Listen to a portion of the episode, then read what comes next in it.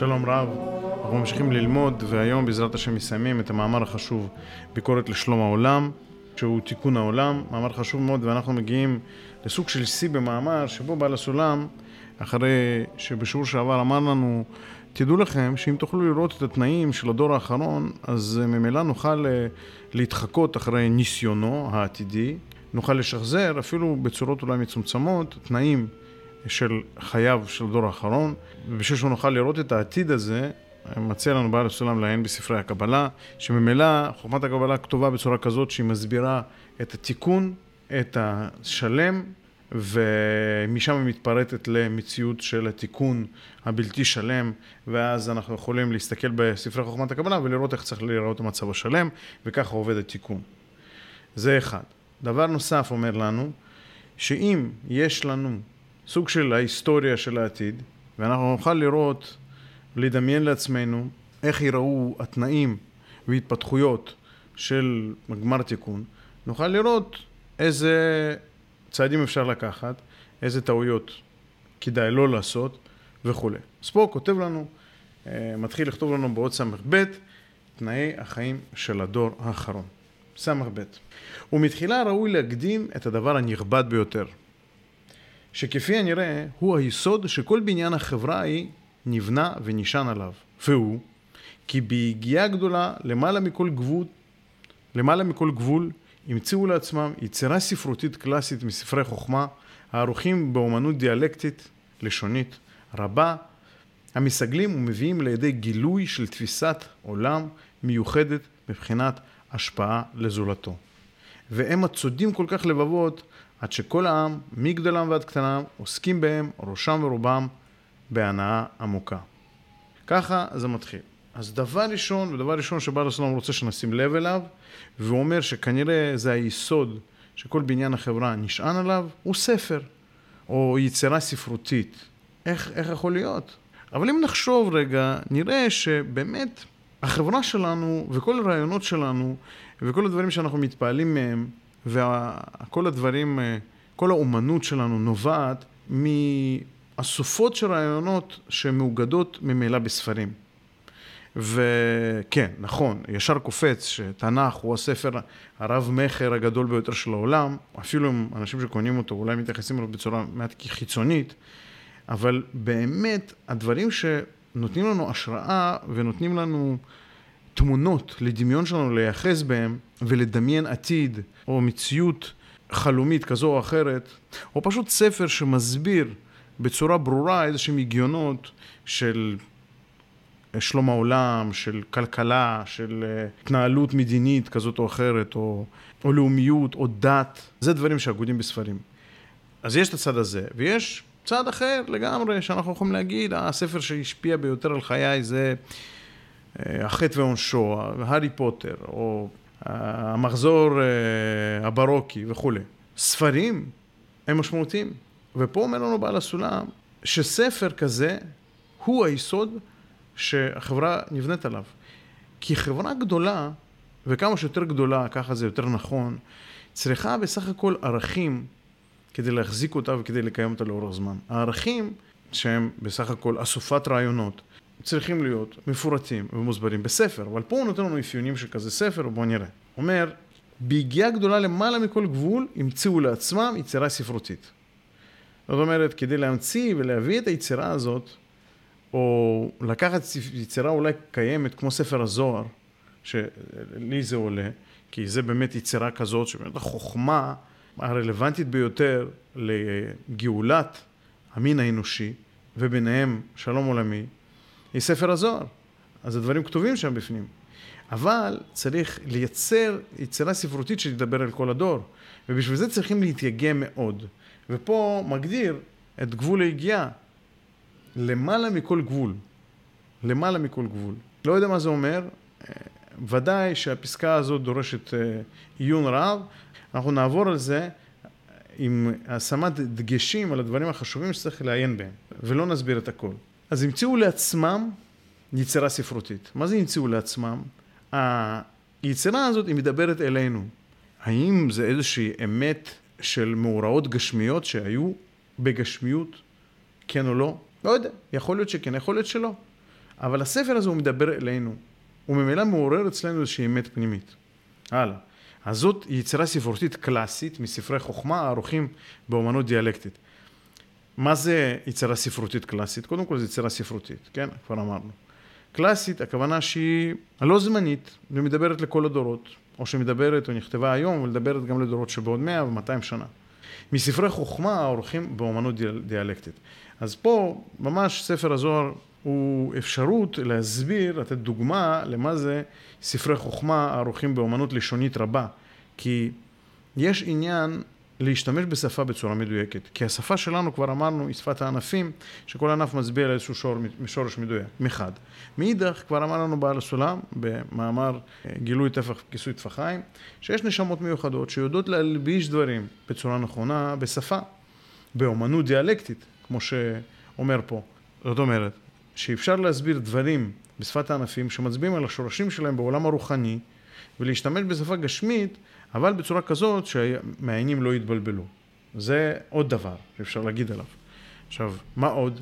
יכול להיות, יכול מאוד להיות, שפה צריך מבחינה ספרותית להמציא דמויות ואפיונים לדמויות האלה, כמו שאנחנו רואים באמת בהרבה מאוד יצירות קלאסיות, אפילו אולי ביותר, המשלים, משלי שועלים של אה, רבי, רבי מאיר בעל הנס, או משלי חיות כאלה או אחרות בתרבויות שונות. שבעצם לוקחים ומייצרים דמויות אפילו מופשטות, אבל שיש להם אפיונים מוגדרים, שבאים לסמן איזשהם תכונות כאלה או אחרות בנפש האדם או בנפש המעיין, שבא ולהסתכל על הדמויות האלה ויכול אה, להזדהות עם דמויות יותר או פחות. ואז באמת בעצם להסיק מסקנות לגבי חייו הוא. אז הספרים האלה מספרי החוכמה, שהוא הביא לנו כדוגמה, הם מסגלים ומביאים לידי גילוי של תפיסת עולם מיוחדת מבחינת השפעה לזולתו. אז מה בעצם הספר הזה נותן? הוא מביא לגילוי. מה זה גילוי? מה זה גילוי? שברור לי, גלוי לי שהדבר הוא טוב. אני, אני, אני רואה, יש לי תועלת ממנו, אני כבר מבין, יש לי תענוג מה, מההבנה הזאת של תפיסת העולם מבחינת השפעה לזולתו. זאת אומרת, ברור לי ומאיר לי שלתפוס את העולם מבחינה מיוחדת של השפעה לזולתו, זה דבר טוב, זה דבר חיובי. יש לי גילוי בעניין, זה לא מוסתר ממני, היתרון הזה. היתרון גלוי. הית... מה היתרון? היתרון שלי בהתייחסות לעולם מבחינת השפעה לזולתו. זה מה שהספר נותן לי. אני קורא את הספר הזה, ואני אומר, וואו, כמה זה מדהים ואמת ו- ונכון ומגרה מאוד לחיות בעולם כזה, או להיות חלק מעולם כזה שהוא מסודר על פי השפעה לזולתו.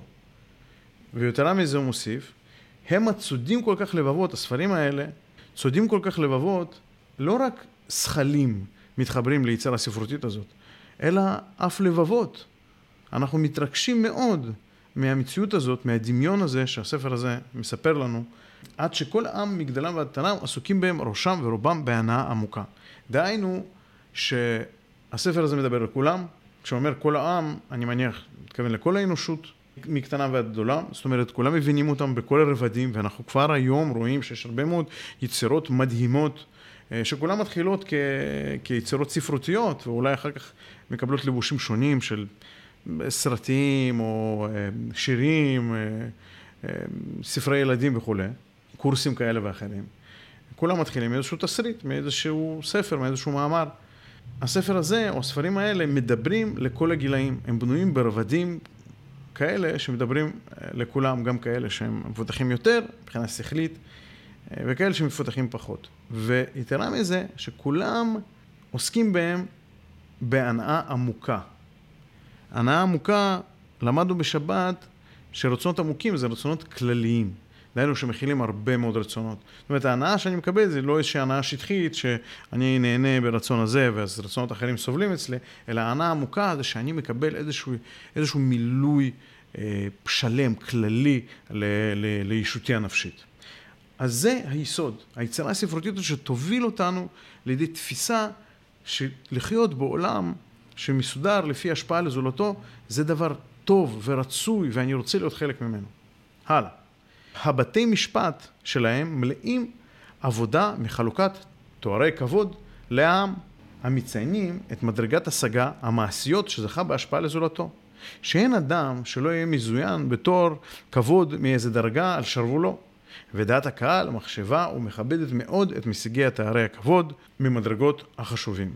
אז מה אומר? הוא אומר, בתי משפט יושבים ומלאים בעבודה כדי לתת, לכמת את אה, תארי הכבוד שצריך לחלק לאנשים על פי איזה שהם הישגים שהם עשו למען הכלל. אז למה בתי משפט? כי כבר אמרנו, ראינו במאמר הזה, שלשפוט לפי מידת האמת זה קשה, כמה באמת הבן אדם עשה, כמה הוא תרם לחברה.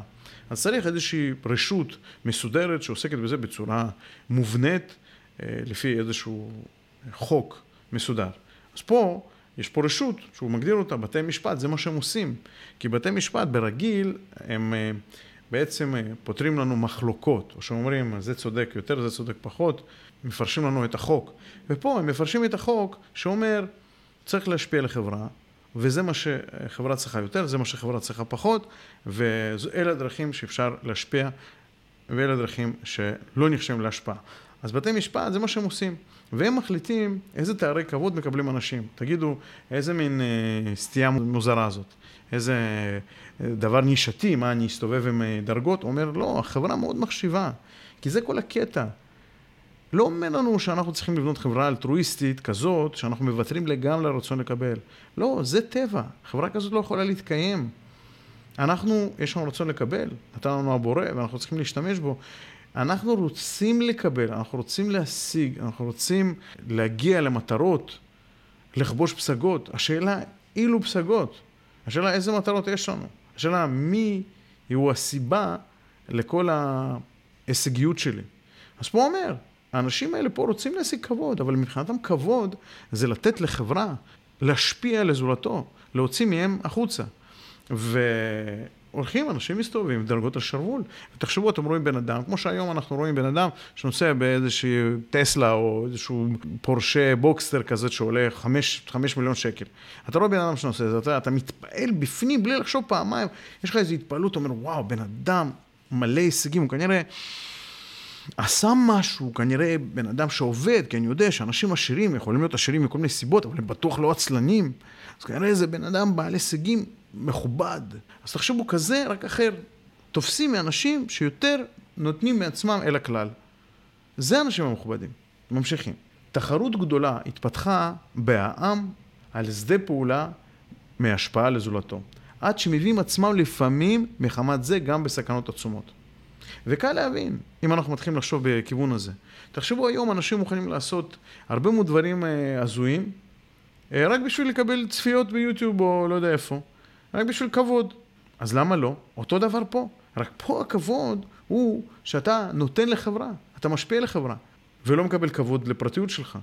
אנשים מוכנים לעשות דברים קשים מאוד ומסוכנים מאוד כדי להושיע ולעזור, לא יודע מה, לנקות אוקיינוסים או להציל אה, חבורות אה, תיירים מלוע אה, של הר געש שמתפוצץ. כל אחד יכול לדמיין לעצמו מה שהוא רוצה, אה, כי באמת, דמיון זה משהו שאנחנו עוסקים בו כרגע ממש. אה, אבל כן, תחרות גדולה, שימו לב, אנשים רוצים, רוצים כמה שיותר אה, לבוא לידי ביטוי על שדה פעולה הזה שנקרא השפעה לזולתו. ממשיכים הלאה. אדם שנכשל באיזה עבודה לתועלתו הפרטית, הרי כל עמידתו החברתית התנדפה והלכה לה באוויר החיים של החברה כעננים על פני רוח. מחמת האנטיפתיה העמוקה מכל שדרות העם אליו. בבקשה. תראו, על, על דרך השלילה, זה מה ששנוא על בני אדם, שאנשים עוסקים רק בפרטיות שלהם. תחשבו כמה לא נעים זה כשאתם עובדים בתור ומישהו עוקף אתכם. הרי מה כל כך מרגיז? מה, שעכשיו עוד 20 שניות אני אתעכב בתור? לא, אתה אומר איזה מין דבר, זה בן אדם. היי, מה, אתה יותר חשוב מהכלל שאנשים עומדים פה? לא יכול להיות. לא יכול להיות, זה מציק לנו. תחשבו כזה, רק פי כמה וכמה. שזה דבר, היום אנחנו אומרים, תתעסק עם עצמך, תדאג לפרטיות שלך, תהיה גדול, אל תהיה פראייר, תהיה מוצלח.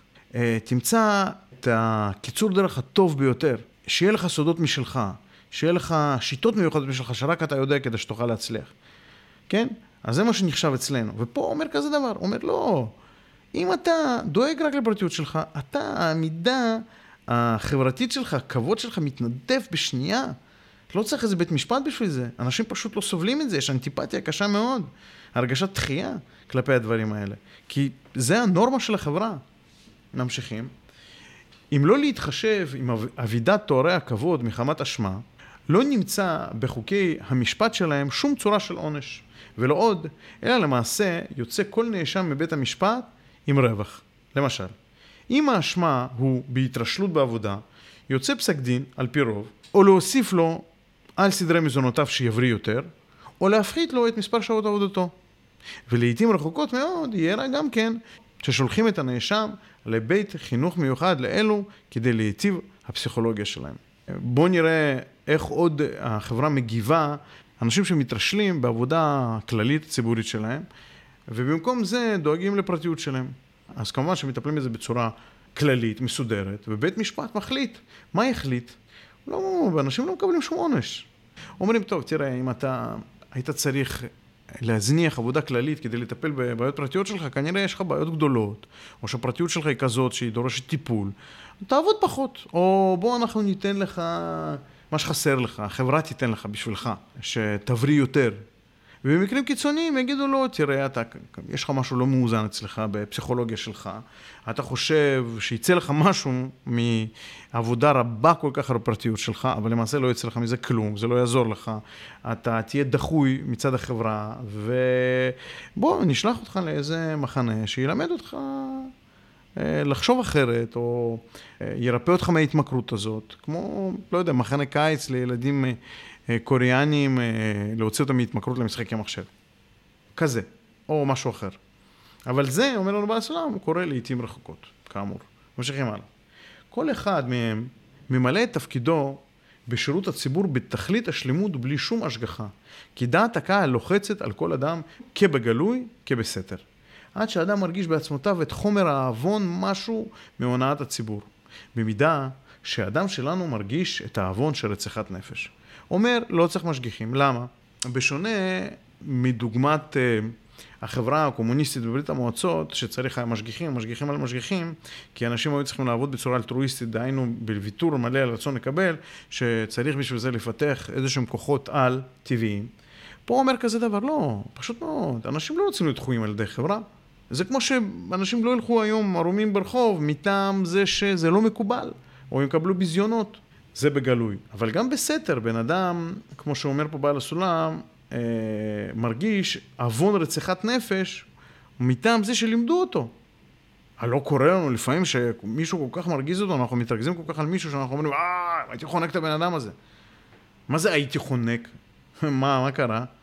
כי אתה אומר, אני לא אעשה כזה דבר, כי זה דבר נורא ואיום. מה כל כך נורא בזה? אתה עשית את זה פעם, שאתה אומר את זה? לא, ככה חונכתי. זה בעצם דעת הציבור, ואני מקבל אותה עליי. אותו דבר פה. הוא אומר, אז לא צריך משגיחים, כי אכפת לנו מאוד מאוד מה החברה חושבת, והחברה כל כך מחשיבה את השפעה לזולתו, אה, ככה שאני ממילא נתון לדעת החברה. וזה אגב משהו שאנחנו חיים אותו כל הזמן, זה לא משהו חדש. ממשיכים. הפרש המעמדי שבציבור בולט וניכר לעין בין המתרשלים לבין הזריזים. כי מעמד המתרשלים ירוד מאוד בחברה. כי ההשגחה העליונה מנעה אותם מכבוד. תראו איזה דבר. וכבר אמרנו קודם, אומר מה אשמים המתרשלים או האצילים שככה נולדו, שממילא הם אנשים יותר חלשים, יותר קשה להם להתפתח, יותר קשה להם להיות אה, זריזים בקבלת החלטות או בלהניע את עצמם לפעולה וממילא להשיג את המטרות שלהם. ויתרה מכך, מכיוון שהם כאלה, אז הזריזים מנצלים אותם. איך הם מנצלים אותם? אומרים, אני אייצר בשבילך ואני אמכור לך, תשלם לי כסף על זה. כי ממילא אני יכול לייצר ולתת לך משהו שאתה לא יכול, או אתה מתרשל, או אין לך כוח לבדוק, או ללמוד וכולי. אבל מה הם אשמים בכך שההשגחה עשתה אותם כאלה? אז אומר לנו פה משהו מעניין. הוא אומר נכון, ההשגחה עשתה אותם כאלה. והחברה העתידית מבינה שהאנשים האלה, ההשגחה דאגה שלא יהיה להם כבוד. כי הכבוד ממילא נותנים לאנשים זריזים ומהירים ורציניים שפועלים על שדה פעולת ההשפעה לזולתו. וכל מי שהוא מתרשל בעניין הזה, מצד הטבע שלו, מצד ההשגחה, מה ההשגחה אומרת לנו? אומרת לנו, האנשים האלה, לא מגיע להם, מגיע להם פחות כבוד. זה אנשים שצריכים לקבל פחות כבוד. אולי יש להם תיקון כזה מיוחד. תשימו לב, המאמר הזה בכלל לא מדבר על דת או עבודת השם, מדבר על מבנה החברה. אז זו נקודה מאוד מעניינת. ממשיכים הלאה. כל חברה, דהיינו מספר אנשים אמצעים המספיקים לכל צורכם, שעושה אותם בלתי תלויים באחרים, יש לה הנהלה משלה עם תקציב של מספר שעות עבודה בהתאם לתנאי המקום שלהם. באופן שיספיקו לכל משאלותיהם, אשר תקציב הזה מתמלא על ידי החברים משעות חובה ומשעות נדבה. אז שימו לב, ככה חברה מסודרת. אומר לנו, כל חברה, מה זה כל חברה? מספר אנשים עם אמצעים המספיקים לכל צורכם, שעושה אותם בלתי תלויים לאחרים. דהיינו, איזושהי חברה שיודעת להיות אוטונומית בצורת סיפוק הצרכים שלה, self-sufficient, מה שנקרא. יש כזה דבר. לכן יש לה יכולות מסוימות בייצור, סיפוק צרכים. אז הוא מאפיין אותה. קודם כל, אנחנו מבינים מזה שצריך לקיים כאלה חברות. ואנחנו רואים שכבר היום קיימות חברות כאלה או אחרות, כל מיני מועדונים, כל מיני התאגדויות, שעכשיו רוצים אה, לספק את צורכיהם השונים בתחום מסוים, נניח בתחום העסקים, או בתחום השיווק, או בתחום הטיפול פסיכולוגי כזה או אחר, או בתחום חינוך הילדים, ובעניין הזה הם רוצים להיות עצמאיים כדי שיוכלו לקדם את עצמם, את החברה שלהם. ופה מאפיין שהחברה הזאת היא מוגדרת קודם כל על ידי זה שיש להם תקציב, הנהלה שמנהלת תקציב. מהו התקציב? תקציב של מספר שעות של החברים שיכולים לתת לחברה הזאת. זה בעצם העושר שלהם. מה זה השעות האלה? מה זה, הש... מה זה העבודה הזאת שהחברים יכולים לעשות? באופן שיספיקו לכל משאלותיהם. והתקציב הזה מתמלא על ידי חברים, איך מתמלא? בשעות חובה ובשעות נדבה. איך זה עובד?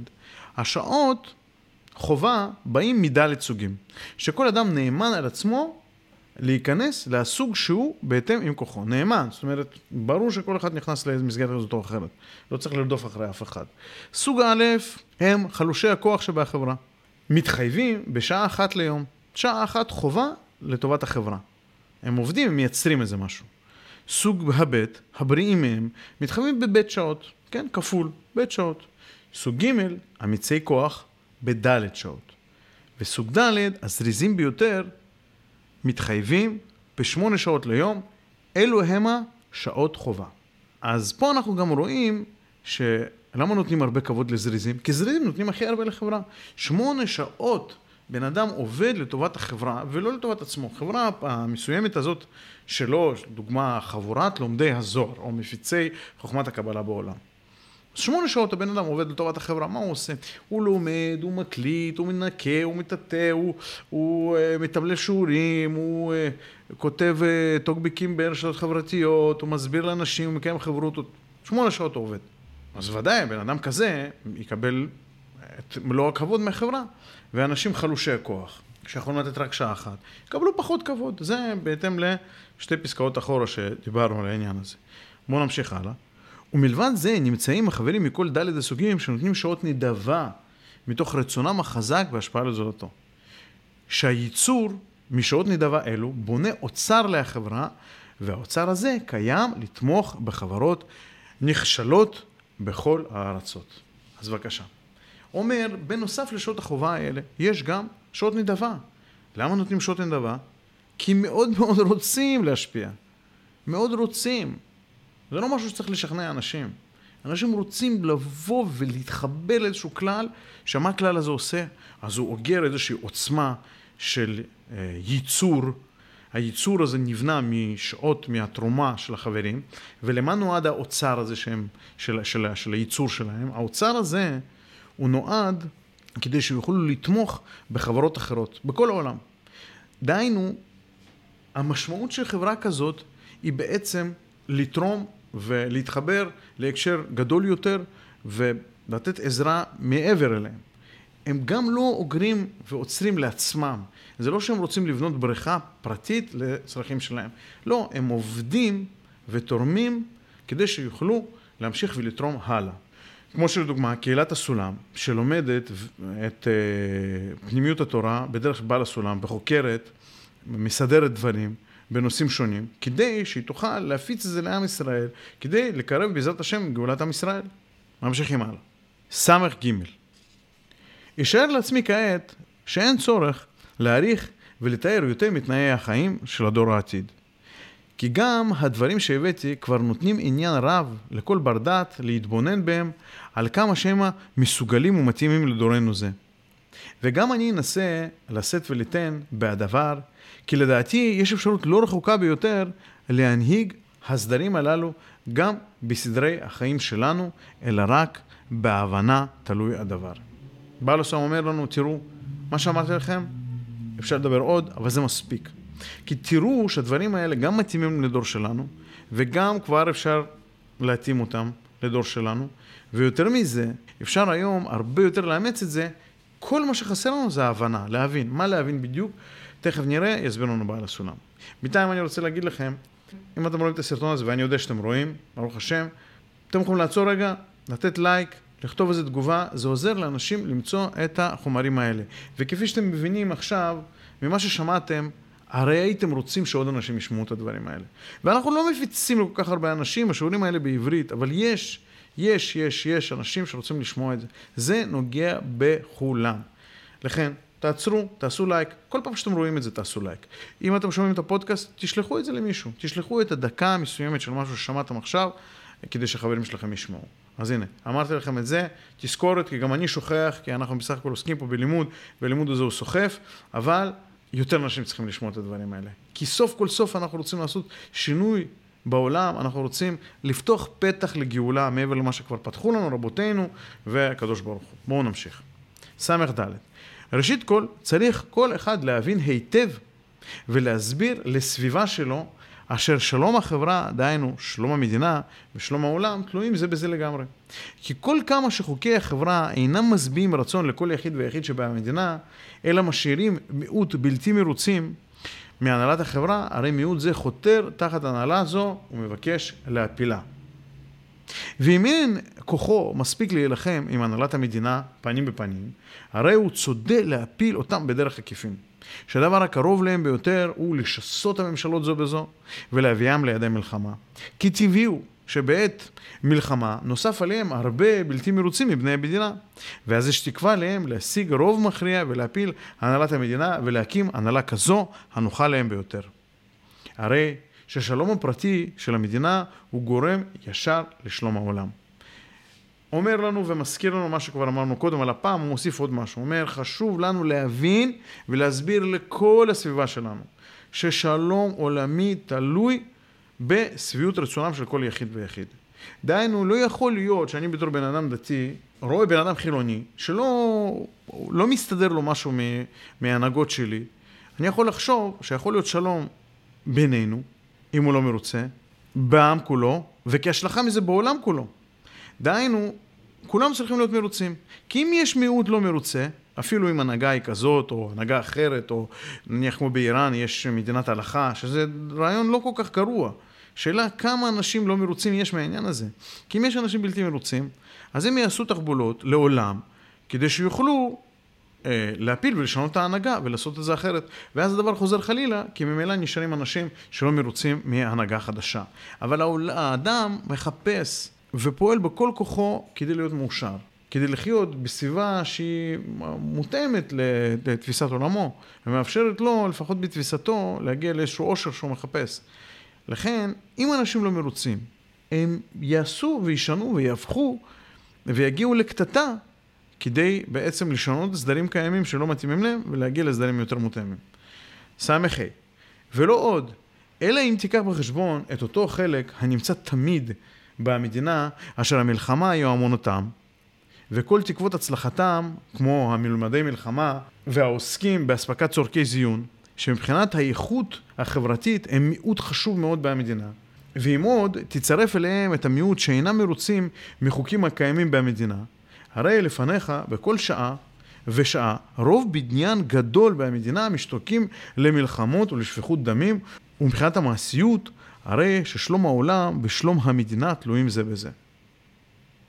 במיקרו, אם יש לך פה אנשים שמעוניינים במלחמה או בקונפליקט כזה או אחר, ויש אנשים שפשוט לא מתאים להם ההנהגה של המדינה. לדוגמה, אם ההנהגה היא לאומית מדי, אז האליטות שלאומיות לא מעניינת אותם, והם רוצים כוח עבודה זול שיזוז ממקום למקום, ורוצים לשעבד את האוכלוסייה של עם כזה או אחר, בלי קשר ל... הביטוי העצמי הלאומי שלהם, כן? אז הם ירצו להפיל את הממשלה. אז תמיד הם יחרחרו מלחמה, הם אה, ישניאו אה, את המנהיגים הנבחרים על, ידי, על רוב העם, יצודו מערכות כאלה או אחרות אה, שיעבדו נגד המנהיגים הנבחרים או ההנהלה הנבחרת, כמו בתי משפט ומשטרה, מה שלא יהיה. הם יכניסו תכנים למערכת חינוכית וכולי. והדבר הזה, ברגע שהוא יפעל בצורה כזאת, ובכל מדינה יש את זה, ואנשים שסוחרים בנשק או... ויש בזה הרבה כסף, אז האנשים בעלי מעמד והשפעה וקשרים וכולי. אז ברגע שיש מיעוט חשוב כזה, אז ממילא אתה פוגע בשלום המדינה. וברגע ששלום המדינה נפגע, כך גם שלום העולם. כי האנשים האלה רוצים שתהיה מלחמה. הם רוצים שתהיה מלחמה, הם רוצים ששוק המלחמה ילך ויגדל, כי אז ממילא הם הולכים להרוויח יותר כסף, או יכולים להזיז דברים יותר בקלות לטובת קידום האינטרסים שלהם. אז מה הפתרון? ס"ו. ואם כן הוא, נמצא בהכרח שאפילו אותו החלק שבמדינה אשר מרוצים כעת מהחיים הקיימים, דהיינו הזריזים והפיקחים, שזה בדרך כלל, זה אנשים שמבסוטים, עדיין עומדת לפניהם דאגה רבה לביטחון חייהם מחמת חוסר השלום בעולם. ואיזה סיפוק נפשי מוצא אדם בשעה שהוא יודע שרוב בני המדינה חותרים תחת חייו? ואם היו מבינים את זאת, היו שמחים בוודאי לקבל בהחלט את סדרי החיים הנשכרים של הדור האחרון, כי כל אשר אדם ייתן בעד נפשו. הוא מביא לנו מאיוב. מה זאת אומרת? זאת אומרת, שימו לב, אם אני בעל הון וטוב לי, אבל מסביבי יש מלא אנשים שמסתכלים עליי בצורה מוזרה כי הם אנשים מסכנים ועניים וכולי. אז איך אני, איך אני יכול להיות רגוע? אומר לנו פה בעל הסולם, תדע לך, אם אתה רוצה חיים מאושרים ושקטים ושלווים, אז תדאג שכולם, כמה שיותר אנשים יהיו מבסוטים. כן, תדאג, תדאג שהסביבה שלך יהיו אנשים uh, שמחים ומבסוטים. צריך לדעת איך לעשות את זה. אבל הוא אומר, אבל אם כל העולם יתעסק בזה, ואנחנו כולנו נתעסק בזה שכל הציבור יבואו על סיפוקם בחייהם, וכולם עובדים לטובת כולם, אז ממילא לא צריך לדאוג, לא צריך לדאוג שמישהו יחתור תחתיי. אני לא צריך לדאוג שמישהו בלתי מרוצה מהסדר הקיים ואני מרוצה, הוא יהפוך את הסדר הזה ויביא למלחמה, ובצורה כזאת או אחרת זה ישפיע עליי. ככה זה מתכנס לעניין של שלום העולם, שאומר, אתה תדאג לזה שהסביבה שלך יהיו אנשים מרוצים, מסופקים, וממילא אתה תקדם את שלום העולם. אני רוצה לתת ככה איזה קפיצה קדימה ולסיים את המאמר הזה, ויש פה עוד כמה אותיות, אז בואו תהיו איתי. השינוי בקבלה להשפעה הוא פסיכולוגי בלבד. ס"ז. והנה כאשר נסתכל ונתפוס בשכלנו היטב את תוכנית הנזכרת של הדור האחרון, הנה כל נקודת הקושי והכובד מונחת בהתהפכות הטבע שלנו מן הרצון לקבל לעצמו עד הרצון להשפיע לזולתו. כי לכאורה הם הרבה דברים מכחישים זה את זה. אוקיי, ממשיכים. ס"ח ובהשקפה ראשונה מדומה זה רק לפנטזיה בעלמא ולדבר שלמעלה מהטבע האנושי ועל כל פנים ממרבית האנושות. אמנם, כאשר נעמיק בדבר נמצא אשר כל הסתירה מקבלה לעצמו להשפעה לזולתו איננה אלא רק מבחינה פסיכולוגית בלבד. כי למעשה אין לך אדם בעולם שהיה מקבל לעצמו, אלא כולנו רק משפיעים לזולתנו בלי שום טובת הנאה כלל לתועלתו עצמו הפרטית. מה זאת אומרת? זאת אומרת, שימו לב, אם אני קפיטליסט רוצה למכור לרוב הציבור איזשהו מוצר או שירות כדי להתעשר, כמו שרוב הקפיטליסטים מתעשרים, או רוב הסוחרים. אני ממילא צריך להמציא מוצר או שירות שמתאים ומספק צורכי הציבור, שאני רוצה שהציבור הזה ירכוש אותו ממני. זאת אומרת, אני בעצם עסוק במפעל שלי בסיפוק של צורכי הציבור. וכמה שאני עושה את זה יותר טוב, ככה העסק שלי יותר טוב, ורק כמה.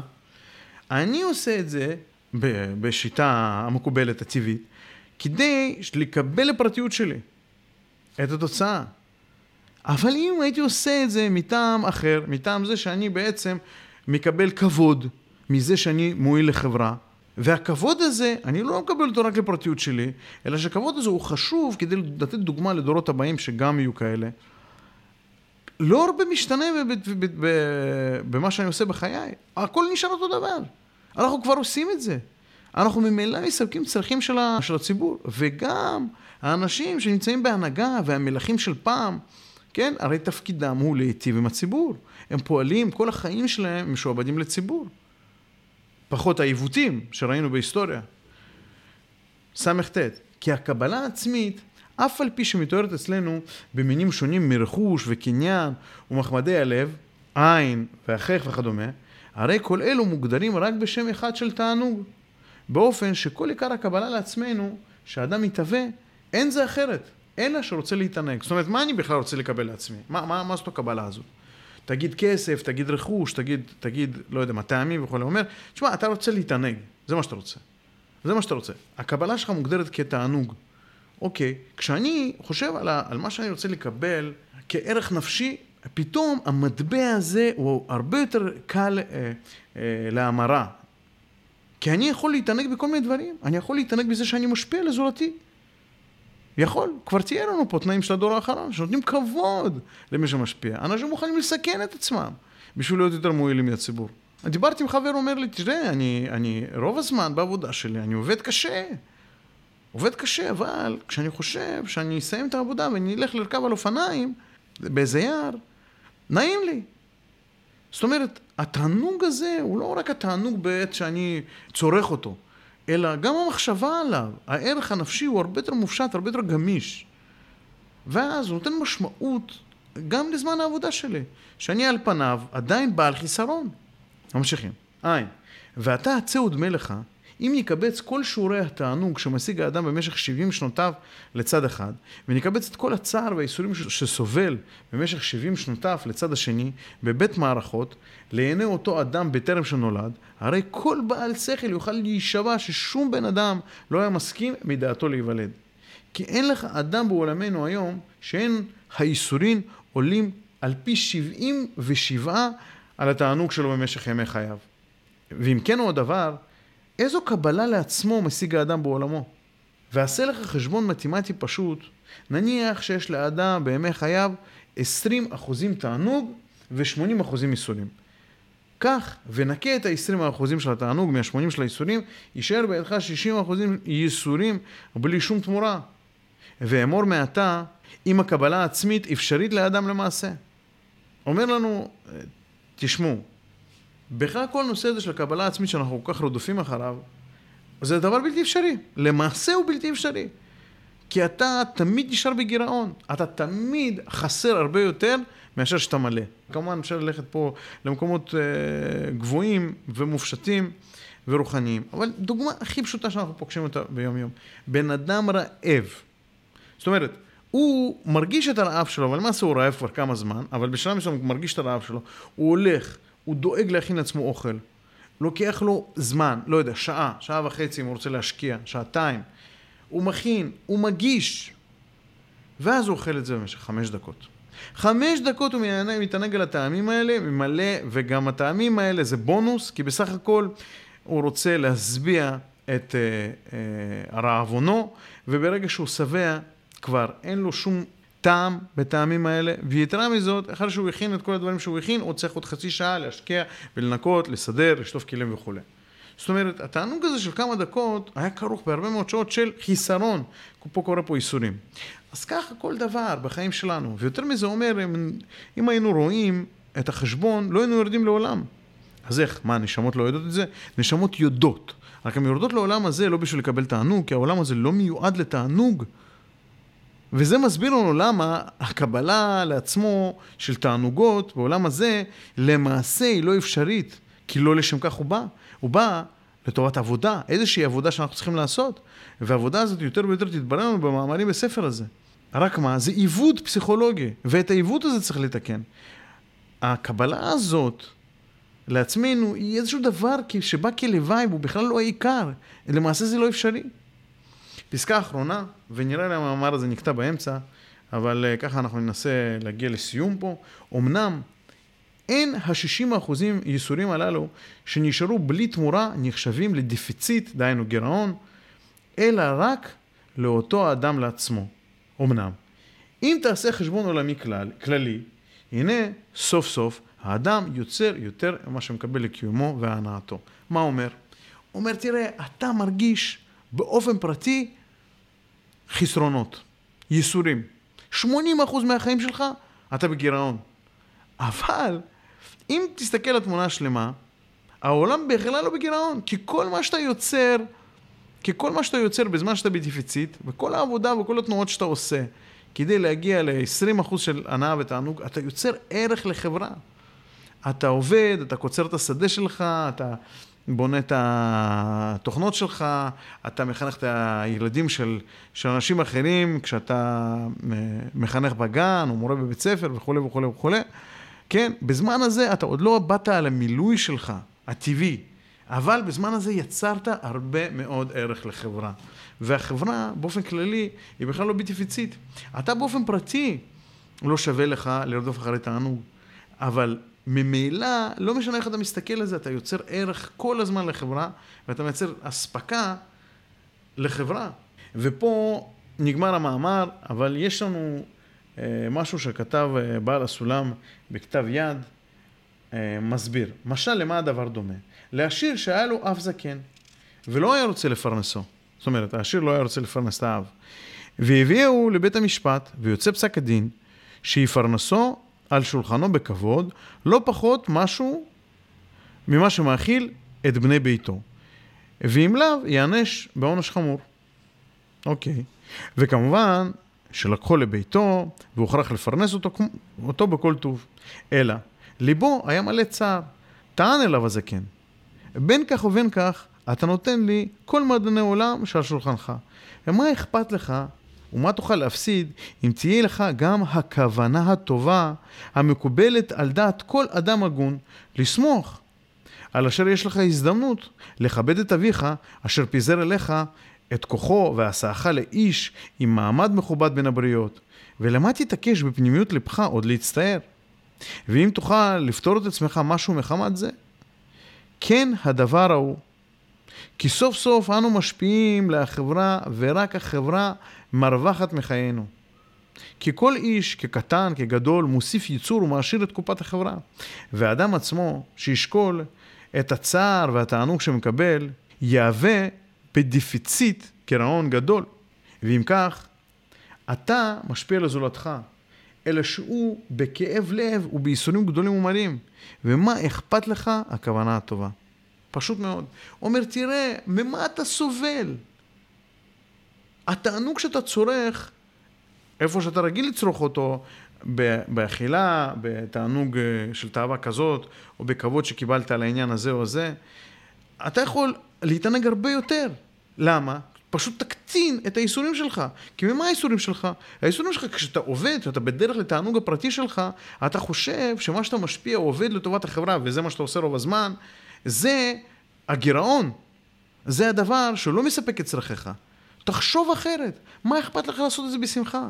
אתה תהיה בן אדם שמח. אתה תרצה הרבה פחות לאכול.